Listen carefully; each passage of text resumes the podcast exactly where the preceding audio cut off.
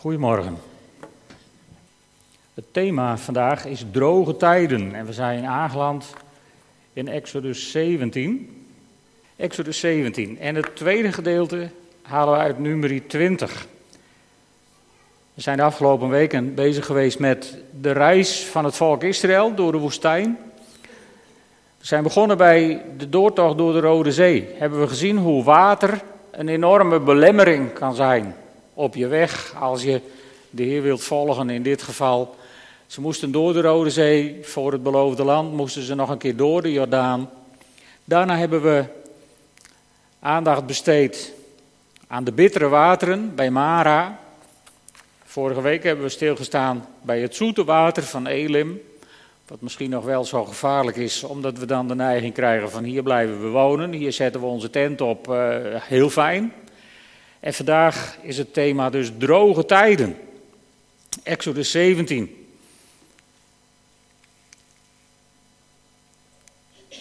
Ja.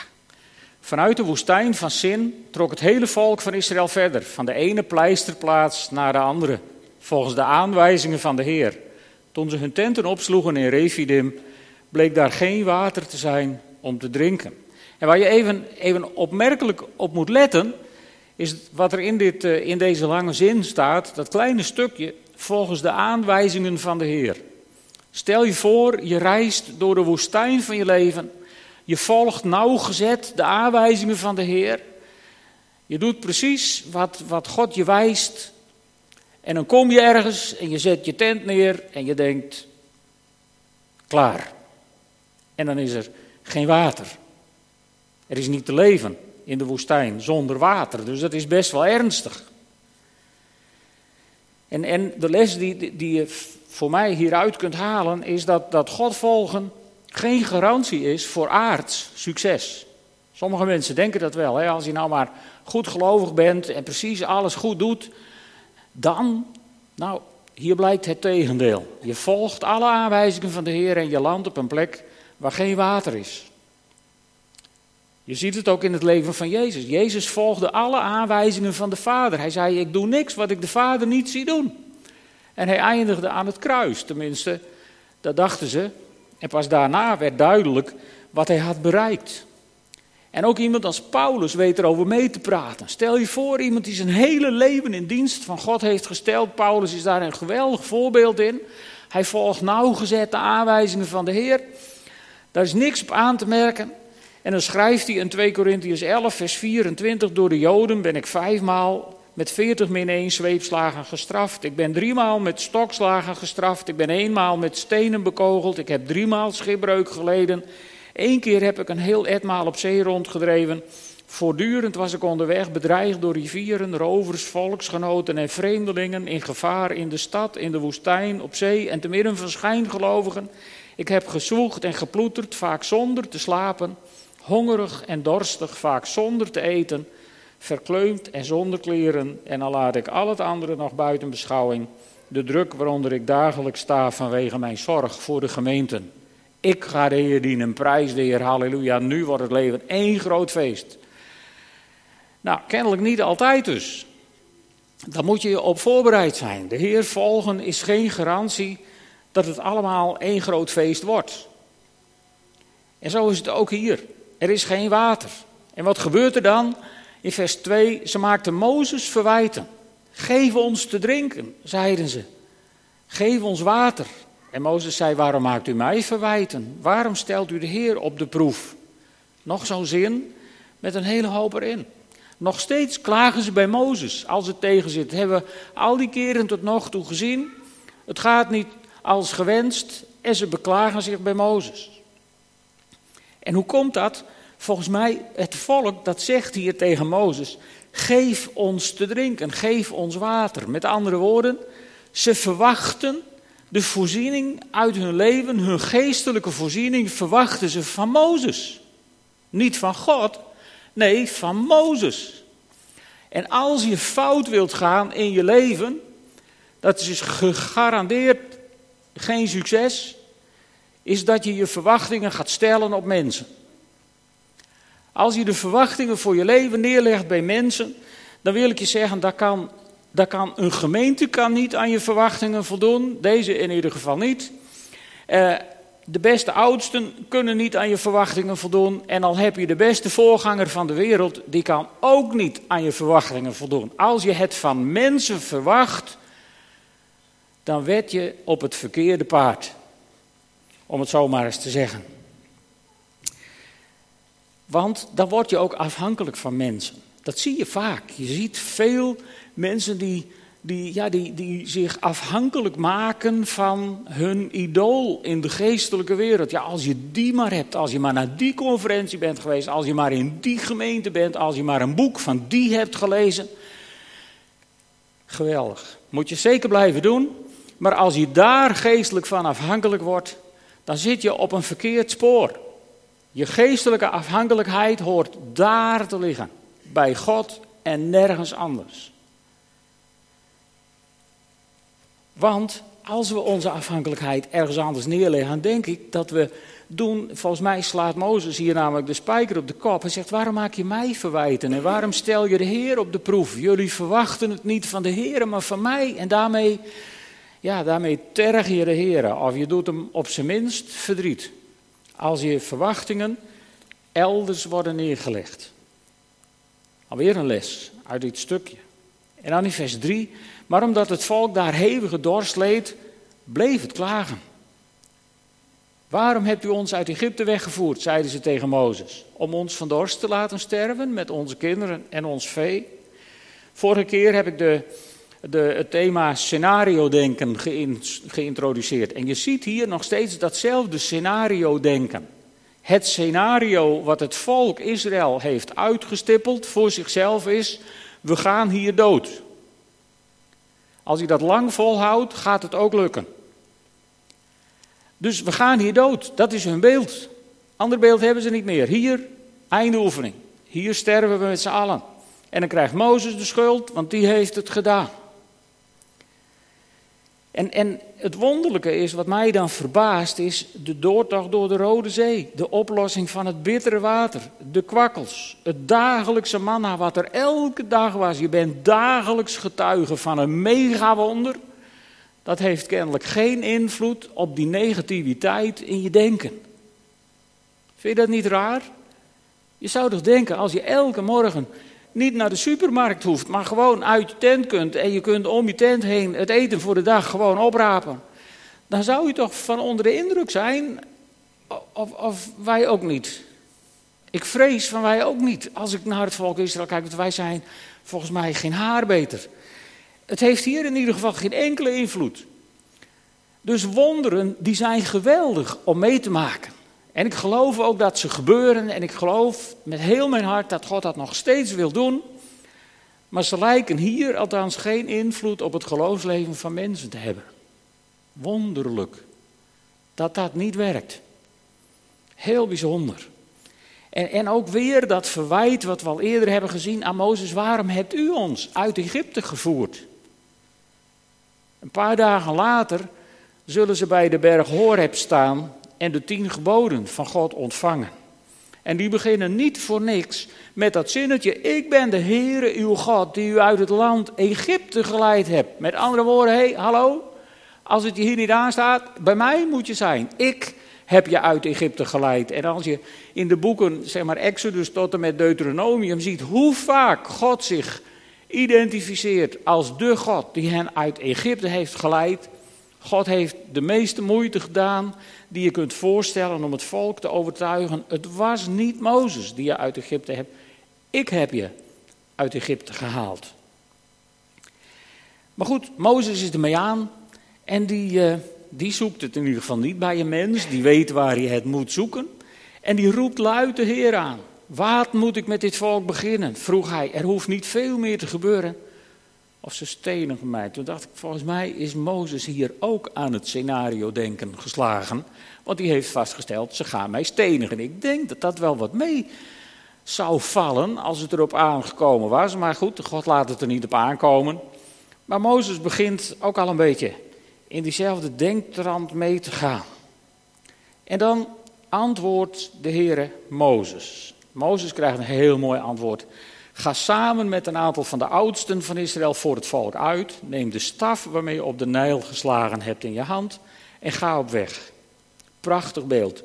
Wat gebeurt hier? Om te beginnen moet Mozes samen met de oudsten op weg. Dus het is geen eenmansbediening. Het is niet een feestje alleen voor de grote man van God. Nee, het gebeurt onder toeziend oog van de oudsten wat er moet gaan gebeuren. En om Mozes te bemoedigen, mag hij zijn staf meenemen. Die staf waarmee hij op de Nijl had geslagen, waardoor de Nijl in bloed veranderde. Die staf die hij over de Rode Zee had uitgestrekt en het water spleet in tweeën. Alsof God tegen Mozes wilde zeggen: Weet je nog, weet je nog, kijk, neem die maar mee. Dan weet je dat er bijzondere dingen staan te gebeuren. Dus Mozes krijgt een hart onder de riem gestoken of een staf in de hand, wat je maar wilt. En zo, zo gaat Mozes op pad. En uh, dan zegt God, ik zal je opwachten op de rots bij de Horeb. Een bijzondere rots. En uh, als je op die rots slaat, zal er water uitstromen, zodat het volk te drinken heeft. En Mozes deed dit in het bijzijn van de oudsten van Israël. Het is interessant, ook wel grappig, als je, als je hier commentaren op na begint te slaan. Dan doen geleerden hun uiterste best om je uit te leggen dat dit wel eens vaker voorkwam. Dat er een holte in een rotsblok zat waaronder een dun laagje wat water zou zitten. En als hij daar dan op sloeg, hard genoeg, dan brak dat en dan kwam dat water eruit. Dat zal allemaal wel waar zijn, maar volgens mij is de intentie van al deze verklaringen om te bewijzen dat het geen wonder was, dan hoeft het op mij al niet meer. En bovendien, je moet je even voorstellen, daar in die bak met zand, daar moesten er 1 miljoen mensen plus al hun vee, moesten daarvan drinken. Dat moet een grote holte in die rots geweest zijn, denk je niet? Want dat was een hoop water wat die stakkers nodig hadden. Een berg. Dus het was gewoon een wonder. Laten we dat vasthouden. Het was heel bijzonder. En Mozes die slaat op de rots en huppakee, water. En ze hebben allemaal te drinken. En die rots, dat is een hele bijzondere rots. Paulus die maakt een hele mooie verbinding naar die rots in 1 Korinthe 10. Waar hij zegt, ze aten allemaal hetzelfde geestelijke voedsel. Het manna, wat iedere ochtend om de tent lag. Ze dronken allemaal van dezelfde geestelijke drank. Want ze dronken namelijk uit de geestelijke rots die hen volgde. Daarmee koppelt hij het aan de, aan de, aan de vuurkolom. En die rots, wie was dat? Die rots was Christus. En die, rots was Christus. Die rots was Christus. En dan wordt het slaan op die rots, dat krijgt ineens een andere betekenis. Want dan ga je denken aan Isaiah 53, om onze zonde werd hij doorboord, om onze wandaden gebroken. Voor ons welzijn werd hij getuchtigd en zijn striemen brachten ons genezing. En Petrus die pakt dat in het Nieuwe Testament weer op in 1 Petrus 2 vers 24. Hij heeft in zijn lichaam onze zonden, het kruishout opgedragen, zodat wij dood voor de zonde rechtvaardig zouden leven. Door zijn striemen bent u genezen. Dus dat slaan op die rots, en die rots was Christus. Dat legt een, een prachtige verbinding van voor in de Bijbel tot bijna achter in de Bijbel, waar het over gaat. Door zijn striemen heb je te drinken gekregen, is je dorst gestild. Je dorst naar vrede, gerechtigheid, geborgenheid, veiligheid. Er mogen zijn. En zo krijgt het volk hier te drinken. En dan staat er, hij noemde die plaats Massa en Meriba, omdat de Israëlieten Mozes daar verwijten hadden gemaakt. En omdat ze daar de Heer op de proef hadden gesteld door te vragen, is de Heer in ons midden of niet? Dit is de verkeerde vraag. Laat ik daarmee beginnen. Want met deze vraag wordt God tot oorzaak van het probleem gemaakt. En dit is niet een absurde, ja het is wel een absurde vraag, maar het is niet een onvoorstelbare vraag. Ik heb samenkomsten meegemaakt waar, als het even niet liep, of de voorganger was met het verkeerde been uit bed gestapt, dat er door de voorganger werd gezegd: laten we eerst maar eens gaan bidden, want de Heer is hier niet. En dan zat ik daar met mijn gereformeerde opvoeding, inclusief de gereformeerde zonneschool. En dan moest ik altijd denken aan een liedje, misschien wel het belangrijkste liedje in een kinderleven. Op bergen en in dalen, ja overal is God, waar wij ook immer dwalen. Ja, overal is God. En dan zat ik daar en dan hoorde ik dat. En dan dacht ik, ergens klopt er iets niet. Ik wist toen nog niet waar, maar ik dacht, ergens in mijn theologie, in mijn opvoeding, dit deugt voor geen meter. Dit kan niet. God kan er niet niet zijn. Dat bestaat niet. Want God is overal. Hebben ze mij op de zonderschool geleerd en ik geloof dat nog steeds. Dus het ligt niet bij God, maar het ligt in dat andere zinnetje van het lied waar wij ook immer dwalen. Als je God niet ervaart, moet je niet beginnen van is God er vandaag wel of niet. Nee, we moeten ons veel meer afvragen waar bij ons de blokkades liggen, dat wij God niet beleven en niet ervaren. Wij zijn het probleem. God is nooit het probleem, God is de oplossing. In de jongere Bijbel staat een heel leuk stukje bij deze tekst. Er staat boven andersom denken. En er staat dit, de Israëlieten koppelen Gods aanwezigheid aan hoe het met hen gaat. En overigens niet alleen de Israëlieten. Dus als alles goed gaat, is God er wel, maar als het tegen zit, vragen ze zich meteen af waar God is. Het zijn net mensen. Het volk moet andersom leren denken. Ze moeten namelijk leren uitgaan van Gods aanwezigheid en vanuit dat uitgangspunt moeilijke situaties te lijf gaan. Best lastig. Hoe ga jij ermee om? Staat er dan onder. Vond ik een uitdagende vraag. Een uitdagende vraag die me de afgelopen week best wel bezig heeft gehouden. Want ja, hoe doen wij dat als het even tegen zit? Ja, we schreeuwen moord en brand, natuurlijk, want dat hebben we geleerd, zo zijn we opgegroeid. Maar denken wij altijd van, joh, wat er ook gebeurt op bergen en in dalen, ja, overal is God. Denken wij dat? Of moeten we dat opnieuw leren? Ik denk dat het heel belangrijk is dat we dat in ieder geval weer proberen te grijpen. Van God is er altijd, in elke situatie. En Gods aanwijzingen volgen is geen garantie op aards succes, zo ben ik begonnen. Maar de God volgen is wel een garantie op het feit dat je er doorheen komt met Hem. Hoe dan ook. Heel bijzonder. En dan gaan we naar het tweede verhaal. In nummer 20. Begint bijna hetzelfde. In de maand in de eerste maand kwamen de Israëlieten, het hele volk, in de woestijn van Sin en ze bleven lang in Kades. Mirjam stierf daar en werd er begraven. Hier zit er heel eind tussen. We zijn inmiddels 40 jaar ongeveer verder. Hè. Ze zijn na de Horeb, zijn de Israëlieten naar het beloofde land gereisd. Ze hebben het verspied. Ze hebben besloten dat de reuzen te groot waren en de problemen te heftig en dat ze er niet in wilden. En toen moesten ze voor straf 40 jaar in de woestijn blijven. Tot deze generatie was uitgestorven. En we zijn nu bijna zo ver dat ze de reis naar het beloofde land weer gaan inzetten. Dus we zijn globaal 40 jaar verder in de tijd. En kijk eens wat er gebeurt in de woestijn. Toen er geen water meer was, liep het volk tegen Mozes en Aaron te hoop. Niks geleerd in 40 jaar. Wat zonde van de tijd.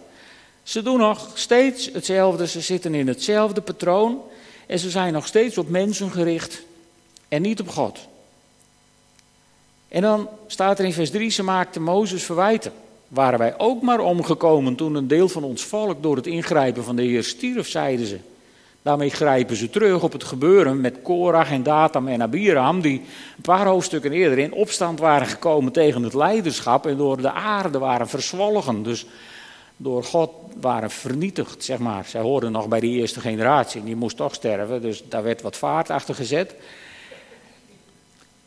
En, en daar refereren ze aan. Waren wij ook maar omgekomen, dus ze zitten nog steeds in dat scenario denken. We gaan dood, waarom toen niet? Ja, zo komen we niet veel verder. En dan staat er in vers 5, ook nog steeds, waarom hebt u ons weggehaald uit Egypte? Nog niet begrepen, ik ben de Heer uw God, u uit het diensthuis uit Egypte geleid hebt. Dat hadden ze nog niet gesnapt. Helemaal niet. Nog steeds hetzelfde verwijt. En dan staat er, er is hier, of waarom hebt u ons in dit afschuwelijke oord gebracht? Er is hier geen koren, geen vijgenbomen, geen wijnstokken, geen granaatappelbomen en geen drinkwater. Wel manna, elke dag. Maar dat telde kennelijk niet, hè? Ze waren gefocust op wat er niet was. En toen ik het las, toen dacht ik, wat een, wat een, een tegengestelde houding met koning David toen hij die psalm schreef. De Heer is mijn herder, mij ontbreekt niets. Deze mannen die riepen, jij bent mijn herder en mij ontbreekt alles. Want hier is van alles niks. Kijk, als je in zo'n negatieve houding zit, als dat je, levens, je levenshouding is geworden, dan is het nooit ergens goed. Dat beloof ik je bij voorbaat. Dan word je nooit ergens gelukkig. Dan zul je het nooit vinden, omdat je zelf alleen maar focust op wat er niet is. En ik beloof je, overal waar je komt, is er wel iets niet. Maar ook Overal waar je komt, op bergen of in dalen. Ja, overal is God. Dus focus nou eens op de zegeningen die je elke dag ontvangt.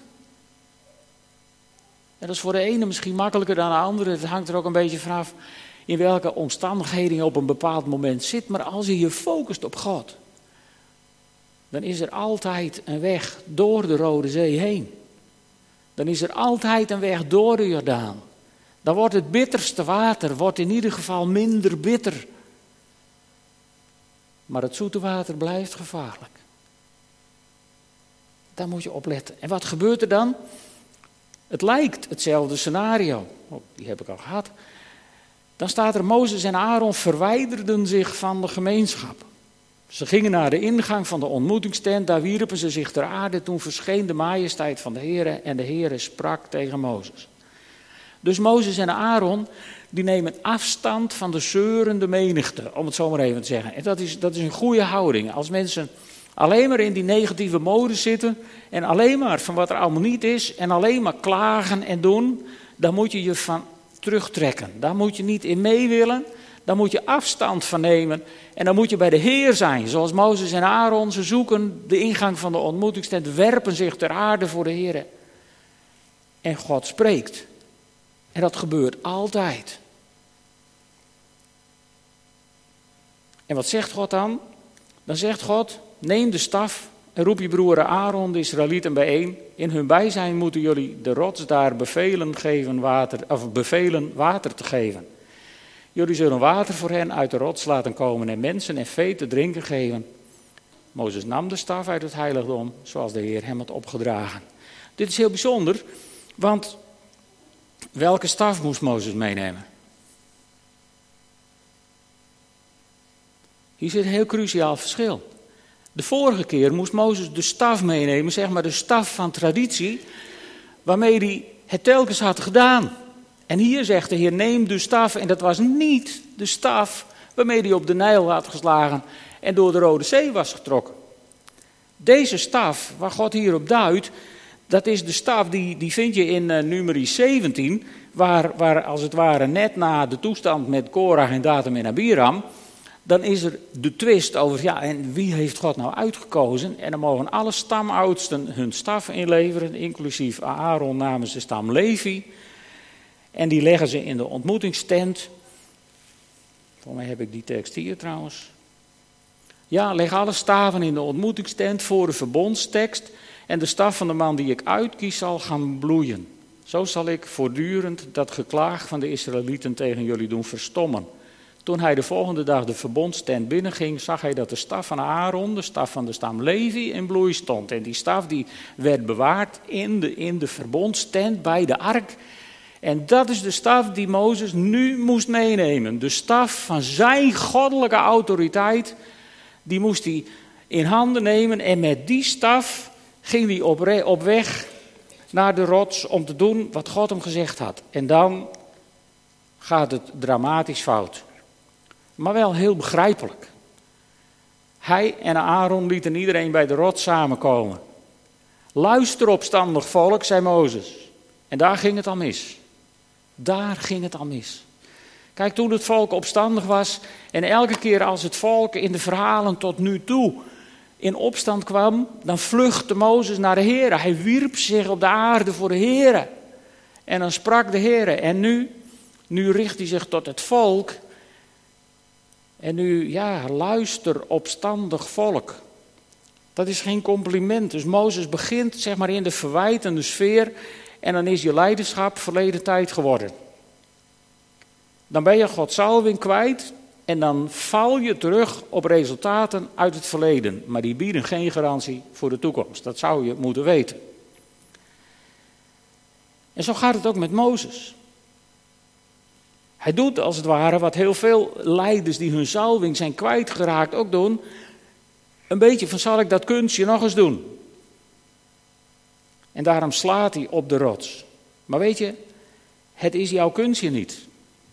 Het is een goddelijk wonder wat er gebeurt onder je bediening. Of, of gewoon in je leven als God wat bijzonders doet. Het is een goddelijk wonder waar jij uit genade ook een rolletje in mag spelen. Maar ik beloof je, God zou het veel beter kunnen zonder jou. Het is zijn liefde dat je af en toe daar met de neus bovenop mag staan. In zijn kracht mag zien, zien werken in het leven. Daar moet je heel, heel blij en heel, heel dankbaar voor zijn.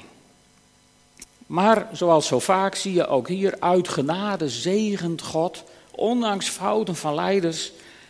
En er is wel te drinken voor iedereen. Alleen Mozes betaalt een hoge prijs ja, voor de arrogantie waar hij hier in terechtkomt. Luister opstandig volk. Let, en dan moet je eens verder kijken. Zullen wij voor u water uit deze rots laten stromen? Hoezo wij? Wij, wij zijn ook alleen maar een doorgeefluik voor de dingen van de Heilige Geest, voor de kracht van God. En dat is hier ook zo. Dus Mozes die, die, die eigent zich als het ware de eer van God toe, slaat op de rots. En dat kost hem de toegang tot het beloofde land. En weet je, er zit nog iets in. De eerste keer bij dat eerste wonder hebben we dat verband gezien tussen het slaan en de striemen van Jezus. Vandaag vieren we samen avondmaal en ook als u hier gast bent en u weet zich een kind van de Heer, bent u van harte uitgenodigd om samen met ons de maaltijd van de Heer te gebruiken. Maar de Heer wordt hier vandaag niet opnieuw geofferd. Hij wordt niet opnieuw geslagen en hij wordt niet opnieuw gekruisigd. Dat was een eenmalige gebeurtenis waar voor ons een eeuwige verzoening tot stand is gebracht. En dat herdenken en vieren we vandaag. Dus dat slaan, dat is niet meer aan de orde. En dan noemt Mozes ook daar, of dan wordt Mozes dus daarop afgerekend. En hij noemt ook daar weer het water, Meriba. Dus ik denk dat Meriba niet zozeer een aardrijkskundige naam is, maar een soort aanduiding van, van het gejammer waar ze mee te maken hebben gehad. En dan vinden we in het Nieuwe Testament een herdenking van dit feit. Op de laatste dag van het Loofhuttenfeest werd er een kruik water uit, uit, uit Siloam, geloof ik, gehaald. En dat water werd van de trappen van het tempelcomplex uitgegoten ter herdenking van het feit dat Israël had gedronken uit de rots in de woestijn.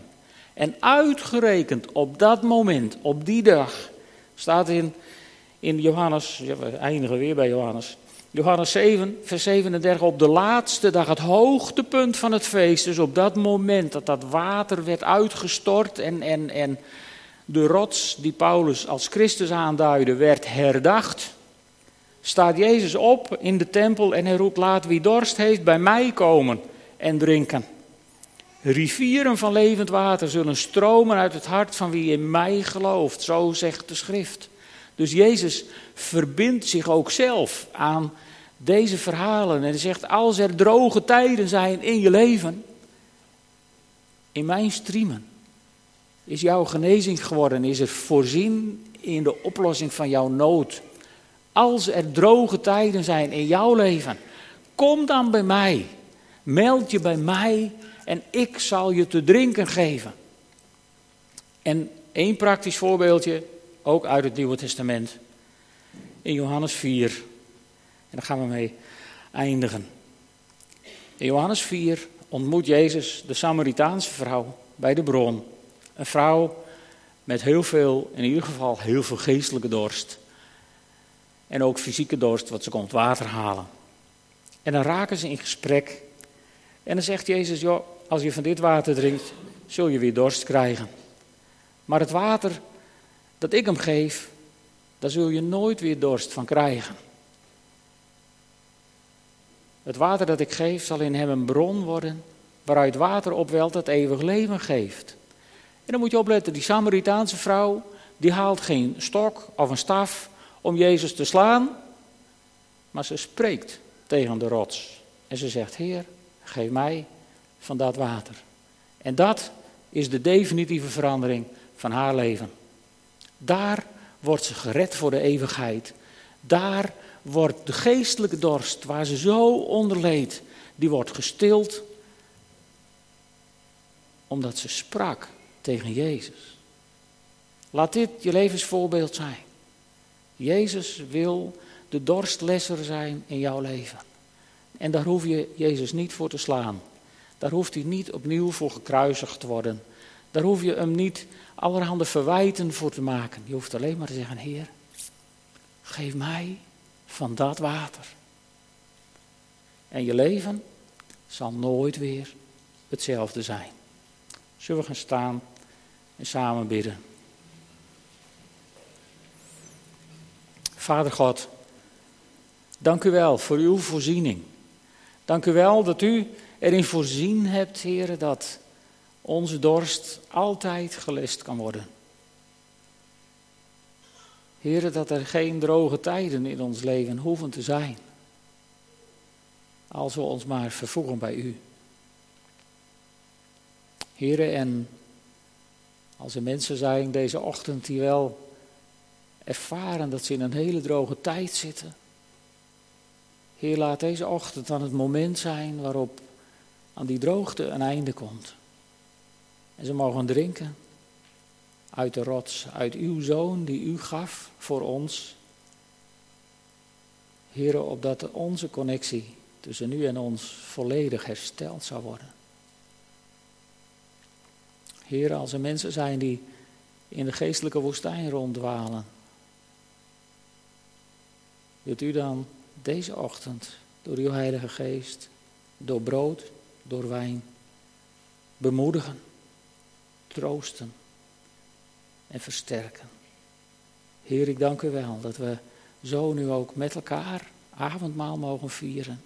Dat we mogen eten van dat geestelijke voedsel en mogen drinken van die geestelijke drank. Omdat de rots in ons midden is. Wees welkom in ons midden, Heer. Amen.